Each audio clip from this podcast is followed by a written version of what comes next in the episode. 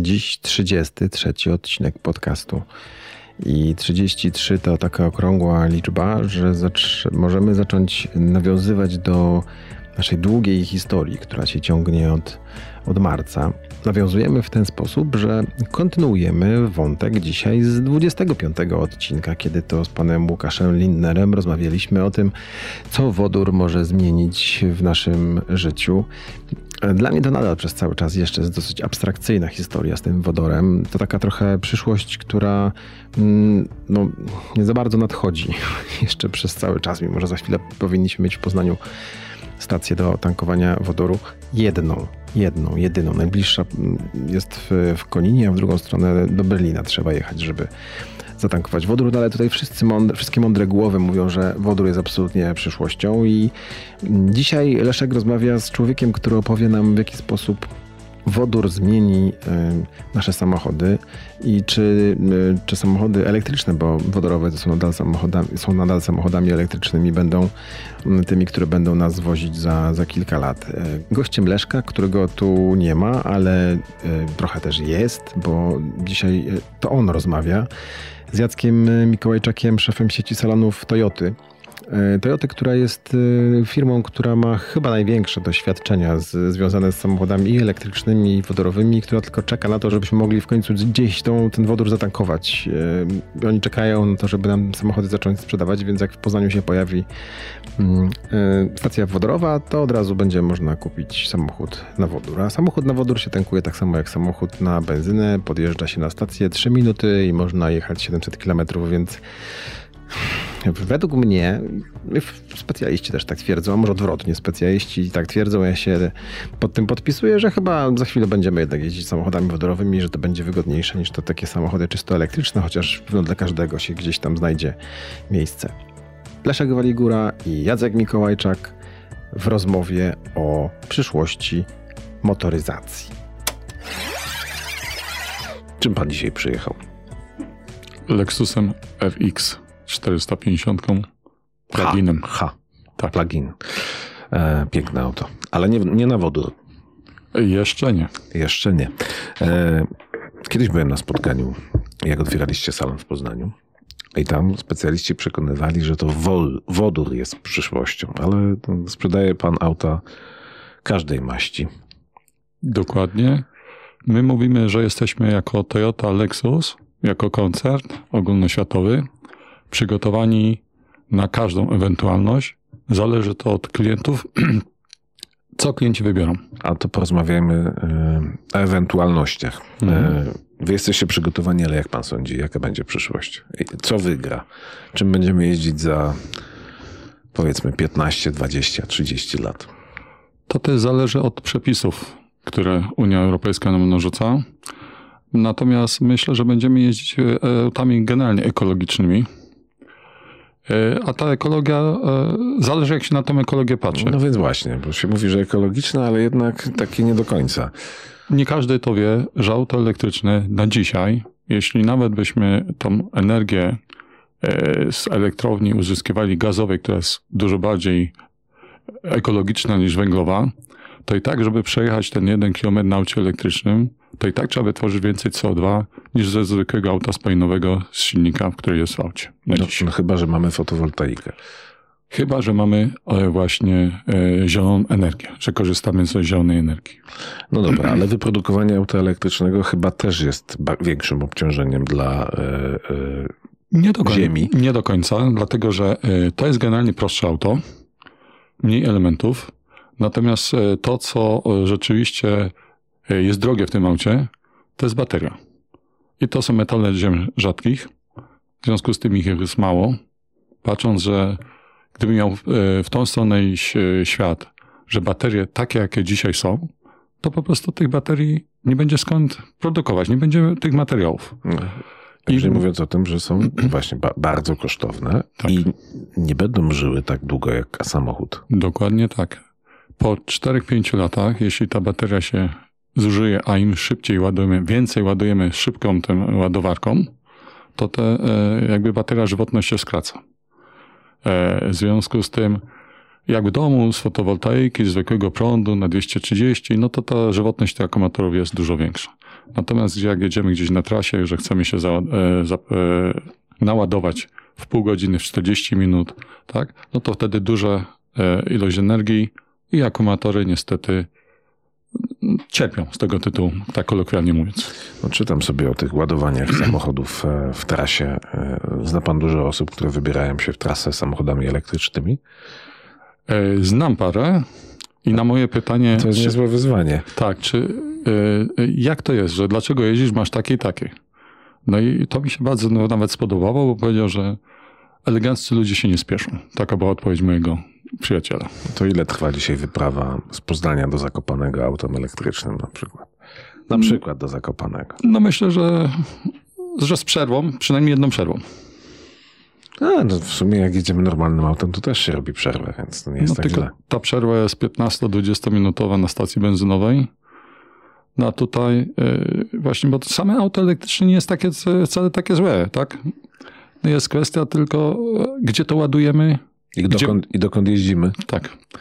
Jak, czy, y, czy będziemy mieli, to co z tego, że są ładowarki, ale jak ta ładowarka jest zajęta, to 40 minut czekamy na to, że aż ktoś się naładuje, jak jesteśmy pierwsi w kolejce po tym, który się właśnie ładuje, tak? No i czekamy 40 minut i drugie 40, jeśli mamy to szczęście. A jak jesteśmy, Trzeci lub czwarty w kolejce? to parę godzin. Dokładnie. Więc ta podróż do Zakopanego nie jesteśmy w stanie określić. W samochodach e, tradycyjnych jesteśmy w stanie mniej więcej określić, tak? Tutaj nie. No dobra, a rozwiązaniem, rozwiązaniem są auta wodorowe? Tak, dlatego że e, jeśli będą stacje, w Poznaniu buduje się na Warszawskiej, tak, pierwsza stacja, bo ten klaster wodorowy wielkopolski jest założony, będą autobusy, wiem, że są zamówione autobusy wodorowe dla miasta, 98 z tego, co mnie podano. Stacje się budują, e, więc jeśli będą stacje, no to bo auto wodorowe to jest auto elektryczne. Nie każdy o tym wie. Tylko tankowane wodorem. Tylko tankowanym wodorem, wodorem, tak, 3 minuty, przejeżdżamy 700 km na jednym tankowaniu. Jak będzie dostępność stacji wodorowych, no to auto elektryczne z napędem wodorowym, gdzie jest, zamiast silnika jest, bo to nie jest silnik, e, którym spala się typowo tłokowy, którym spala się wodór, tylko jest to e, ogniwo paliwowe. To moment. Ja gdzieś czytałem, że można silnik spalinowy przerobić na e, spalanie wodoru. Takie też są. Aha. No dobra, czyli Bo to jest, odmiana. tak? znaczy ta technologia, o której my mówimy, tak, to to jest, y, które mamy jeżdżące samochody y, po Polsce, najwięcej grupa e, Polsat, bo, mam, e, użytkuję powyżej 100 samochodów, e, bo oni najwięcej też jako, jako w tym paku w Koninie e, właśnie odnośnie energii odnawialnej, właśnie produkcji wodoru, bo nie każdy wodór też się nadaje do, do tankowania auta, to tak musi być zwany wodór czysty, nie ten brudny. Trzeba go uszlachetniać, bo my jesteśmy jednym z większych producentów na świecie wodoru. On powstaje jako produkt uboczny z petrochemii, z e, zakładów nawozowych. Produkujemy, jesteśmy chyba na czwartym albo piątym Tak miejscu, jest. ale stacji z wodorem szukałem, ostatnio sprawdzałem na mapie. Cały czas e, właśnie e, stacja Polsat próbuje to otworzyć. Ma wybudowaną, stoi stacja i przepisy. Nikt im nie do końca chce to odebrać, bo chyba nikt nie wie, jak to odbierać. Bo nie Takie ma stacje. przepisów. Do- Dokładnie. No ale to trochę też e, niebezpodstawne, bo e, w, wśród tych przynajmniej, którzy znają historię, to informacja o tym, jak to niebezpiecznym gazem jest wodór, chyba, e, chyba nadal pokutuje. No, przecież największa katastrofa sterowca w przeszłości e, nastąpiła przez to, że był napełniony wodorem. To jest e, nie do końca prawda, ponieważ Mhm. wodór pali się inaczej niż, nie wiem, opary benzyny. To jest świeca idąca Mhm. w górę, tak? A mamy, jeśli mamy, mówimy o benzynie, to jest wybuch, który jest dość rozległy, tak? W związku z tym, jeśli to jest dobra technologia opanowana, Toyota z Lexusem ma tą technologię opanowaną, bo ponieważ zbiorniki to jest e, w naszych samochodach to jest 600, e, tam 700 bar praktycznie. To jest zbiornik dwu- trzepłaszczowy, czyli metal, e, tworzywo i kevlar. Mają na to, ma na to patenty. Jest to, e, można do tego strzelać z kałasznikowa. E, W ten zbiornik bezpośrednio nic się nie dzieje. Więc to jest kwestia jak zwykle technologii i, i, i A jak się coś stanie, to co się stanie? no to tak jak każdy, nie? Niestety. Będzie wybuch jak na amerykańskich filmach, czy raczej Będzie pożar? wybuch idący w górę w świece, tak? E, W niebo, a nie na boki. To tak e, pan to wie. Zdarzyło się już kiedyś jakiś wypadek z autem na wodór? Nie. Nic mi o tym nie wiadomo. Myślę, że e, w, w procesach tych gdzieś tam badawczych to na pewno badano to, tak? Ale, ale nie nawet mam tego specjalnie wtedy takie rzeczy. Tak, takie rzeczy są. E, dobra, a sprzedaliście już jakiś, jakiś samochód na wodór? E, Nie, mamy testówkę, teraz zaczęliśmy, bo to jest, stacje sprzedają i dostają jakby możliwość sprzedaży tam, gdzie są stacje wodorowe. Nikt się nie skusił? E, Nie, jeszcze nie. Bo przyznam szczerze, oglądałem ten samochód. Mhm. Piękny jest. Dokładnie. Bo to jest na podwoziu tego największego LS, e, Lexusa, LS-a limuzyny. No i to jest jakby... Miałem wrażenie, że dla samej urody ktoś się skusi, ale nie. No, no muszą być stacje, tak? My na dzień dzisiejszy, żeby zatankować własne e, auto, jeździmy do Konina. No tak, czyli Bo mieszkaniec, w Koninie jest stacja. mieszkaniec Konina mógłby Tak. sobie to kupić. Tak. E, no dobrze, załóżmy, że mieszkaniec Konina kupi sobie auto na wodór i do, pojeździ nim po Polsce, No ni niestety jeszcze nie. a za granicą? Tak, W Niemczech już są? tak. W Niemczech jest przeszło 100 stacji, ale były te targi ekologiczne w Poznaniu i rozmawiałem z dyrektorem Orlenu. Oni mają w swojej misji przez najbliższe dwa lata przeszło 100 stacji wybudować w Polsce w dużych miastach. Wodorowych? Tak. O, W przeciągu no dwóch to Taki game changer trochę.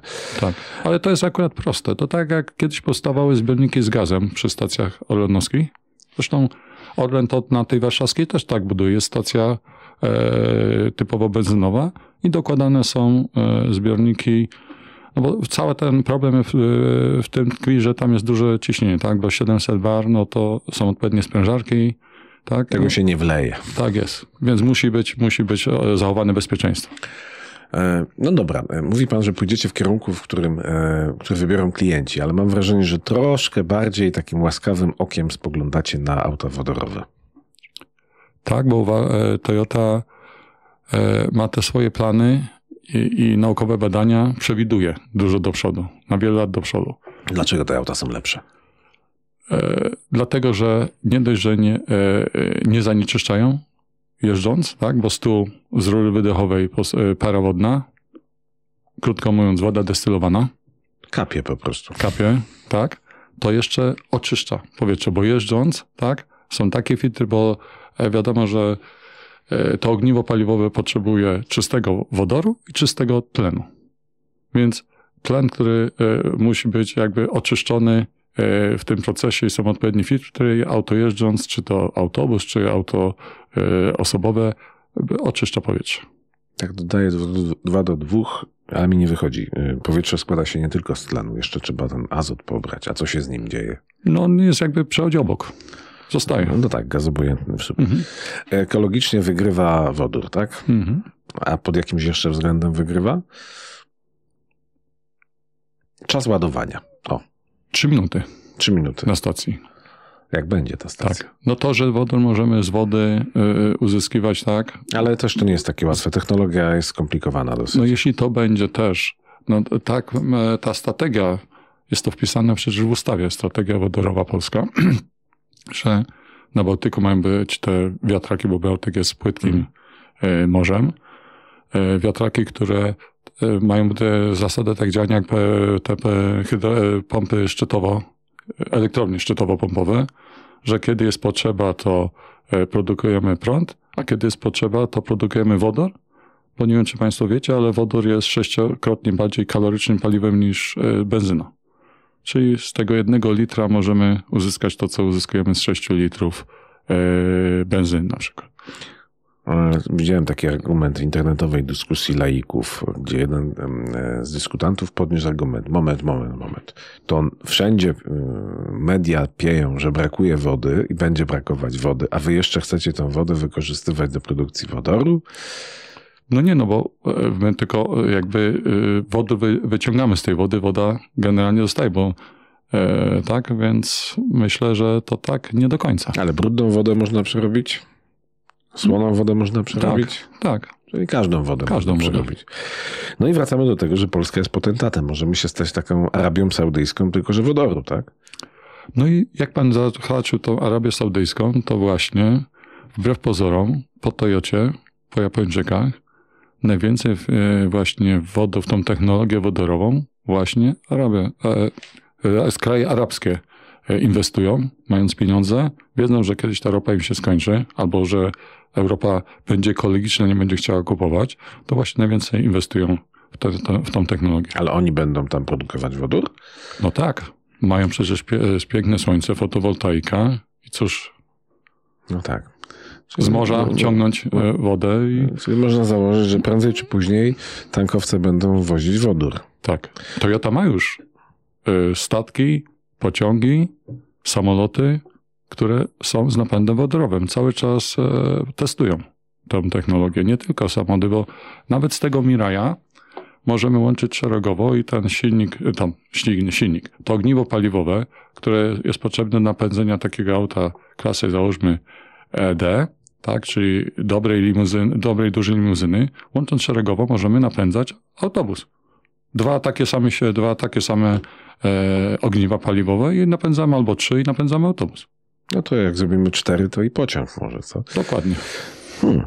No dobra. E, to jak to się dzieje, że Unia Europejska e, mówi głośno, że auta elektryczne, a nie wodorowe? To jest jakaś wojna interesów, czy, czy politycy nie wiedzą? No było takie przesłanie naszego prezydenta, e, wnuka założyciela, że e, politycy mówimy, o prezy- mówimy o prezydencie Toyoty, Toyoty, nie, nie tak. Rzeczypospolitej nie, Polskiej. nie. Było takie przesłanie, że e, zwróćcie uwagę na cały ślad węglowy, tak? Na te minerały rzadkie, bo później utylizacja tych akumulatorów. Trzeba patrzeć na całość, a nie być zachwyconym, że okej, auta elektryczne mie- e, jeżdżąc po mieście, bo to chyba głównie o to chodzi, że miasta są e, jakby za bardzo zadymione, zasmu, e, jak nie wiem jak to nazwać. No, ulegają smogowi, tak, Tak. powiedzmy.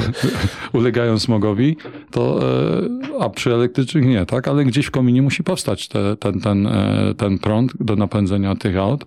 No i chodzi właśnie o to, że żeby właśnie w, w mieście były to e, mniej tych związków trujących, zwłaszcza tych smolistych z diesli, bo to nas najbardziej truje z tego te e, choroby e, związane z rakiem, e, również inne. Ale gdzieś i tak y, ten, te zanieczyszczenia powstają.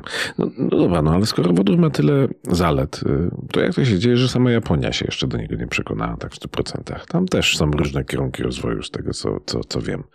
E, nie no, Japonia, w Japonii się czeka za Mirajem. E, no ale auta elektryczne też się dobrze sprzedają w Japonii, prawda? Tak.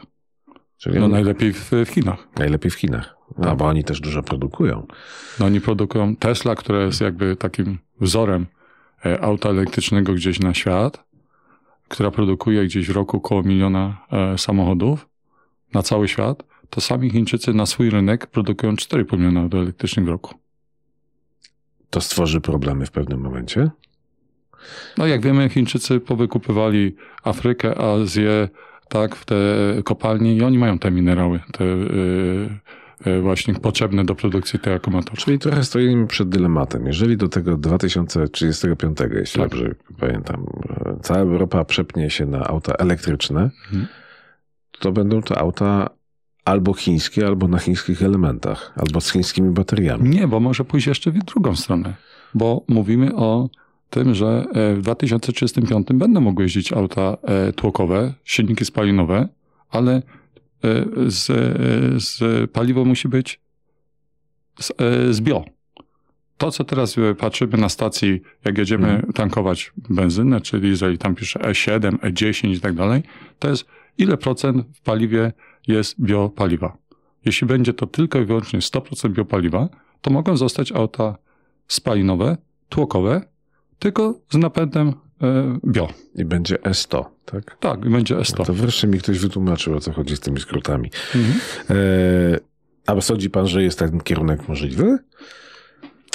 Wszystkie firmy, wszystkie koncerny, zwłaszcza w Europie, bo to głównie dotyczy Europy, tak, pracują e, nad różnymi kierunkami. Toyota Lexus zaczęła nad tym pracować 25 lat temu. Mamy teraz te technologie hybrydowe, mamy pluginy, mamy wodór. No i ja jestem związany z Toyotą 24 lata.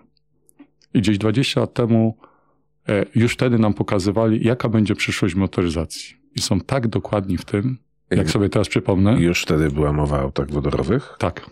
Bo oni to, e, wodór to u nas jest, Mirai to jest e, druga generacja, za chwilę wchodzi trzecia generacja auta wodorowego. No tak, z autami elektrycznymi było podobnie. Ale tak naprawdę, jeżeli z czegoś jest Toyota dzisiaj znana, to z aut hybrydowych. Tak. E, czy to nie jest ślepy zaułek motoryzacji? Bo takie zarzuty też słyszałem. To jest dla nas przejście między autami spalinowymi, tak, a autami ekologicznymi. A w, tak jak mówiłem, a w którą stronę to do końca to klienci wybiorą. No bo proszę sobie wyobrazić, jak ktoś jeszcze ma własny domek, może z tej fotowoltaiki skorzystać, tak? Na, naładować ten akumulator. A jak ktoś nie ma własnego domku i nie ma źródła, skąd może to, wyobraża pan sobie, nie wiem, z piątego piętra kabel, kabel rzucić tak? do, do samochodu?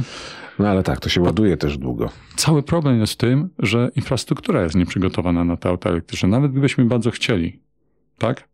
Iż cała, cała energia e, do ładowania akumulatorów byłaby ze źródeł odnawialnych, to jeszcze te auta trzeba naładować. A tak obrazowo patrząc, jeśli to są te szybkie ładowarki 150 kg, no to tam idzie kabel tak jak moja dłoń, tak? Na jedno auto. Na jedno auto.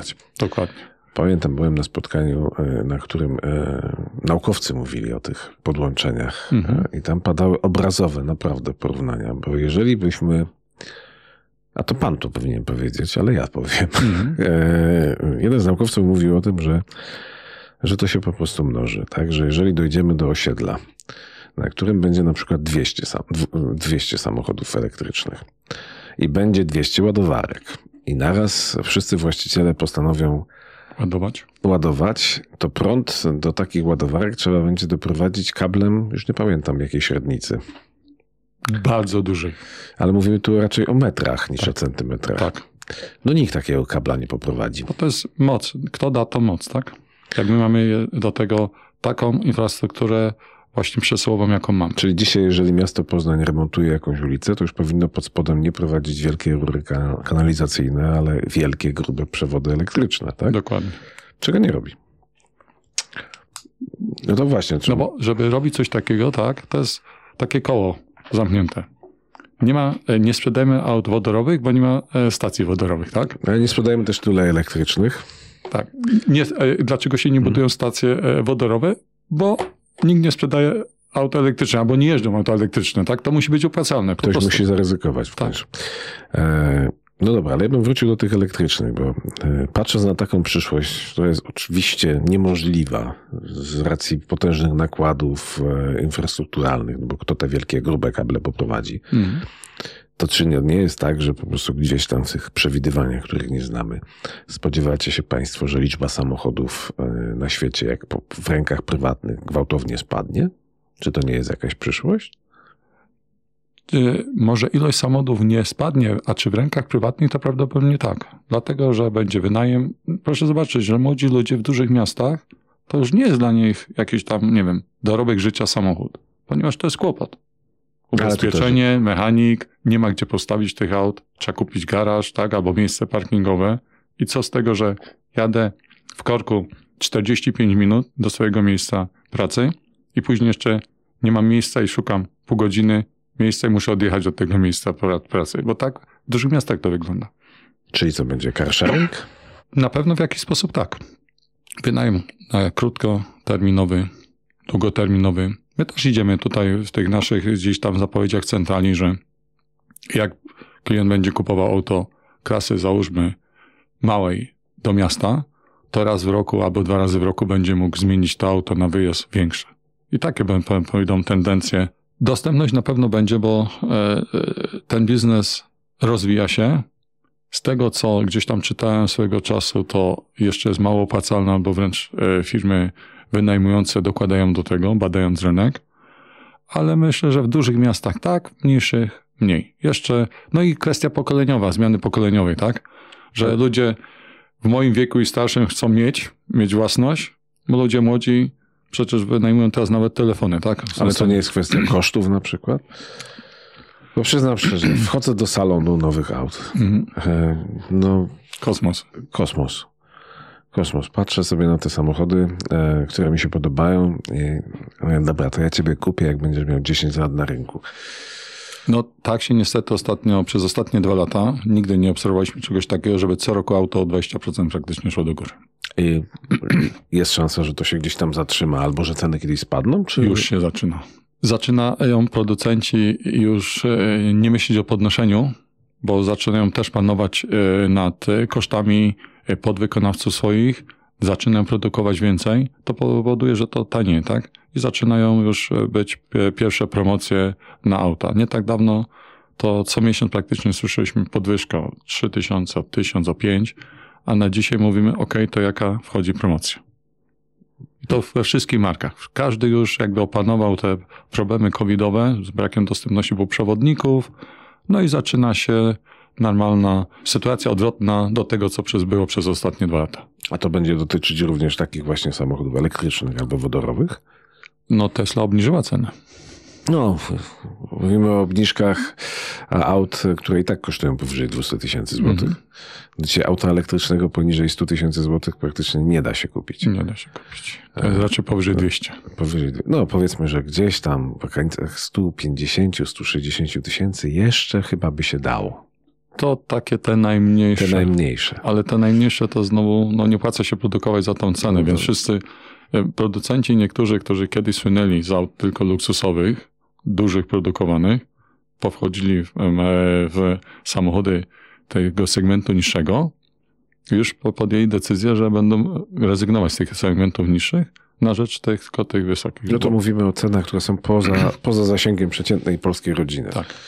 A mówienie o tym, że kupię sobie dziesięcioletnie auto elektryczne z kolei też chyba nie ma większego sensu.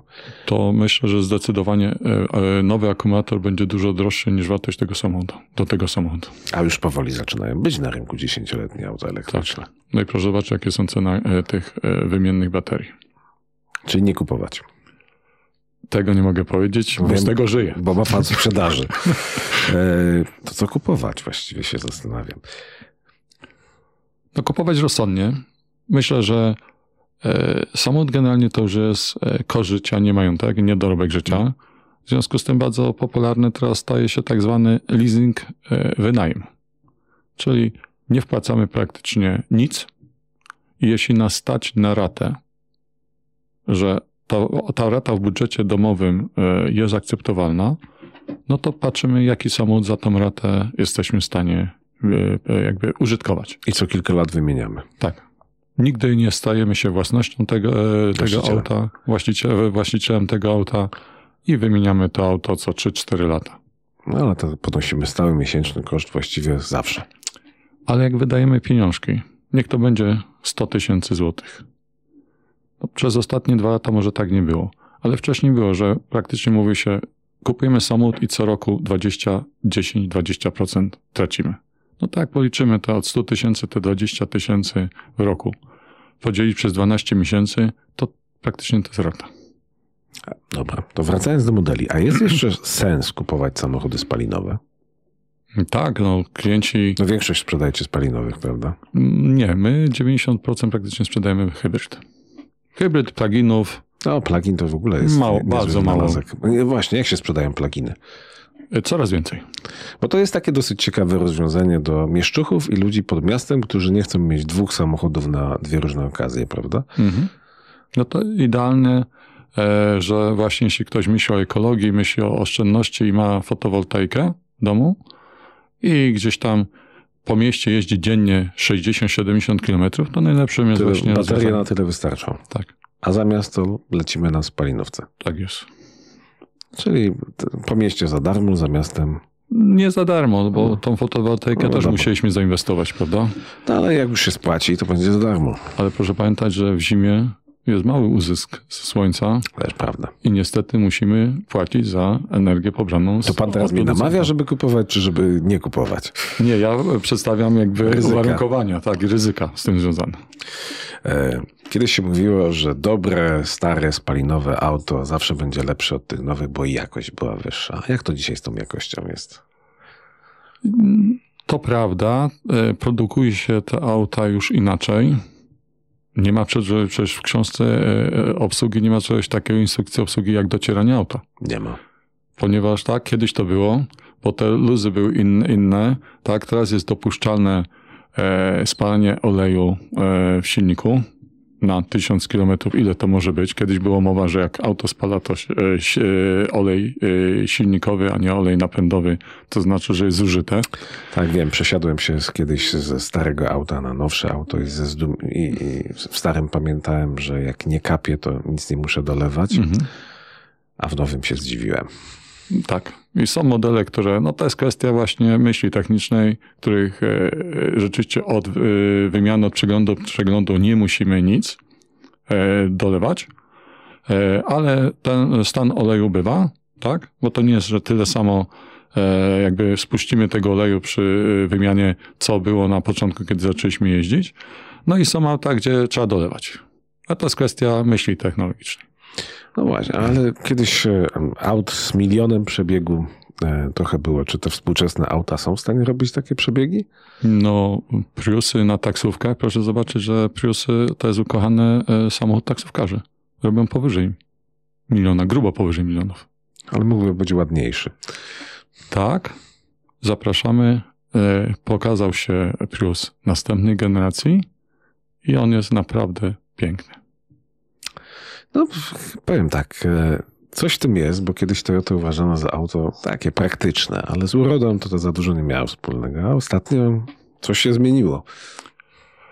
No tak, ponieważ przyszedł e, jakby na prezesa ten wnuk założyciela, człowiek wykształcony e, w Stanach, 50-latek, który miał inną filozofię niż zarząd, który był dużo starszy swego czasu. I, po, I poprzedni zarząd miał taką filozofię. Auta Toyoty mają się nie psuć, bo z tego słyniemy. A do tej filozofii ten e, prezes powiedział tak. Auta mają się nie psuć, bo to jest Toyota, ale muszą się podobać. Czyli kupujemy oczami. Tak. Ale z tym psuciem się nie przez przypadek e, pytam, bo kiedyś rzeczywiście taki był synonim, ale od jakiegoś czasu można czytać sobie w internecie ludzi, którzy mówią, e, ta dzisiejsza Toyota to już nie to, Mhm. e, to już się psuje. E, To już nie jest gwa- gwarant tego, że kupujemy i nigdy się nie zepsuje. Każde auto się psuło i psu, e, psuje i psuło. Tylko te nasze psują się wszystkie, ta statystyka TIFO, ADAC-u, angielskie, amerykańskie, mówią, że dużo mniej.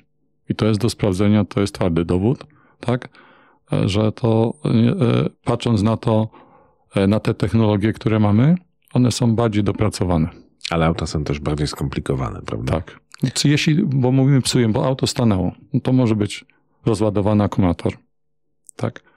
Kiedyś, jak auto odpaliło, był, nie wiem, jeśli był jeden komputer w samochodzie, tak, który pobierał jakiś prąd, jak auto nie jeździło, no to było, teraz mamy powyżej 20 komputerów w każdym aucie. One się komunikują, do tego alarm, do tego GPS. Cały czas, e, jak ktoś nie jeździ, długo nie jeździ, powyżej tam kilka tygodni, no to kiedyś po prostu, jak nie zostawiliśmy światełka e, w samochodzie, bo otwarty bagażnik, bo otwarte drzwi, no to, to akumulator się nie rozładował. A teraz cały czas e, komputery się komunikują i pobierają prąd. I to są tam 3 mi, e, mi, miliampery, tak, przez godzinę, ale jak 3 miliampery z każdego akumulatora, z każdego komputera, każdego komputera zasilania razy ilość godzin, no to, to a te akumulatory są takie są. A jakby się panu samochód zepsuł w- trasie, umiałby go- e, go pan jeszcze naprawić? No raczej, y, bo psuje się elektronika. Bo sam samochód sobie nie, tak? To już bym musiał też raczej. Chociaż z wykształcenia jestem samochodziarzem, tak? No więc właśnie. I te starsze sobie potrafiłem naprawić, a teraz bardziej to, co trzeba zrobić, żeby go odblokować. Bo Toyota ma to coś takiego, że, że te auta wchodzą w tryb awaryjny, większość tak ma, no i dojechać można, tak? Gdzieś tam do, do, do serwisów i tak dalej, ale no chociażby to, że nie, nie wozimy z sobą kluczy, tak? No Podstawowa tak, rzecz. Kiedyś młotek i... Zestaw dwa- naprawczy klucze, tak zwany był, tak? A teraz Działało. już nie ma czegoś takiego. Nawet e, kół zapasowych już nie ma, tak? A z ciekawości zapytam, a jakie było pana pierwsze auto? Pierwsze auto to maluch własnoręcznie złożony. O, o, ale pan był mechanikiem, prawda? Czy nie? E, tak, ja, ja skończyłem e, te- te technikum samochodowe. Maluch własnoręcznie złożony? Tak. To za długo było czekać na nowego. E, tak, wtedy talony były, nie można No tak tak. było. E, pytam o to, bo pamiętam historię, e, którą panu usłyszałem, e, jak to, jak to się zaczęła przygoda z Toyotą, że po prostu pan przyszedł do tej Toyoty i powiedział, że, że chce mieć salon? Tak, tak, tak się tworzy biznesy w Polsce? Nie, to było na zasadzie, że Toyota szukała w Lesznie dealera, bo od Leszna zaczynaliśmy. A ja wtedy kończyła się DEU, jakby współpraca hmm. z DEU, czy DEU wycofało się, plajtowało.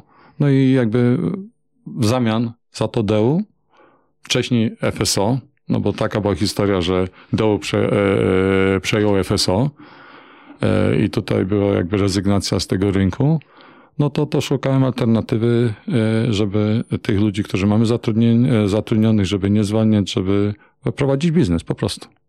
I stąd była ta moja oferta do Toyoty. Toyota ją przyjęła i tak się zaczęła ta już teraz 24-letnia praktycznie e, historia z Toyotą. To już więcej nie pytam, bo ktoś za chwilę mi zarzuci, że audycja zawiera lokowanie produktu.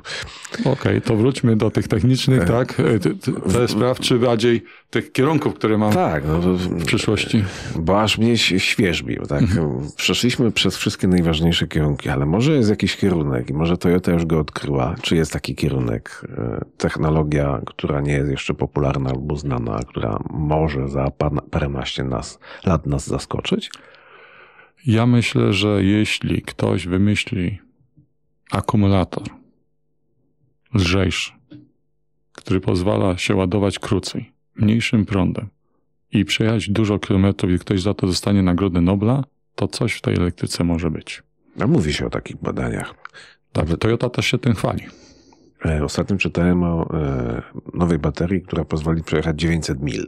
Tak, 1200, to nawet więcej. Nawet więcej. Tak kilometrów i ładuje się tam 20 minut. I Toyota się tym chwali, ale jeszcze tego nie mamy, tak? Dlatego my mówimy, jesteśmy ale... przygotowani, tylko nie klienci wybiorą. Ile dzisiaj upływa od wynalazku do wejścia na rynek? No to jest kwestia, jaki to jest wynalazek i kwestia patentów prawdopodobnie. No i opracowanie tego, bo wynalazek to jest myśl, a obudowanie tego w jakiś produkt e, końcowy, tak, do sprzedaży to jest jeszcze drugi temat. Jakby e, nie wiem, czy nierównie skomplikowany jak te, ten wynalazek sam w sobie. Chciałem powiedzieć, że ja mam pomysł, ale nie mhm. wiem, czy go głośno mówić, bo inaczej będę musiał głośno mówić, że domagam się praw do patentu.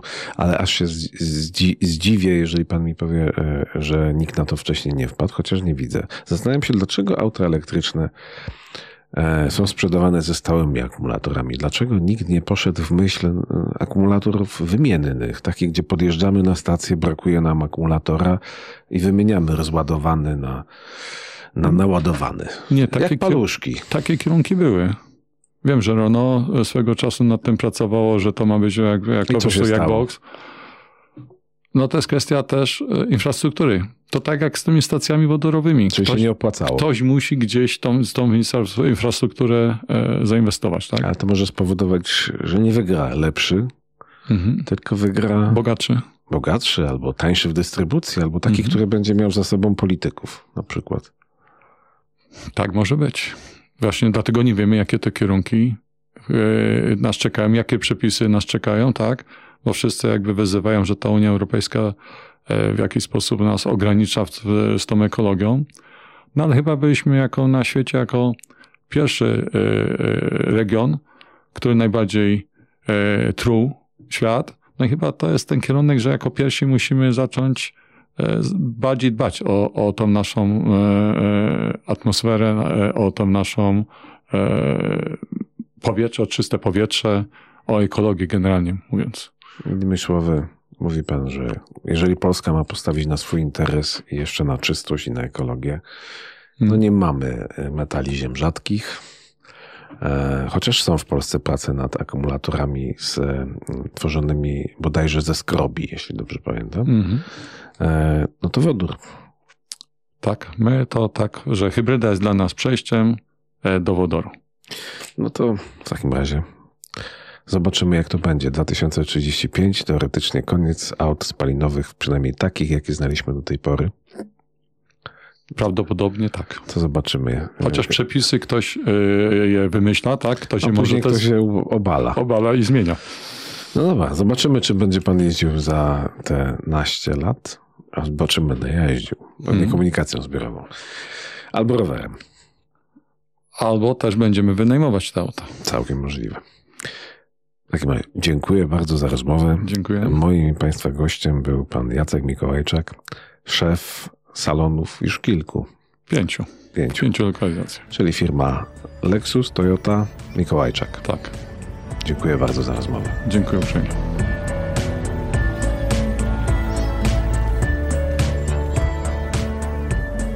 Nagranie i produkcja podcastu szumstudio.pl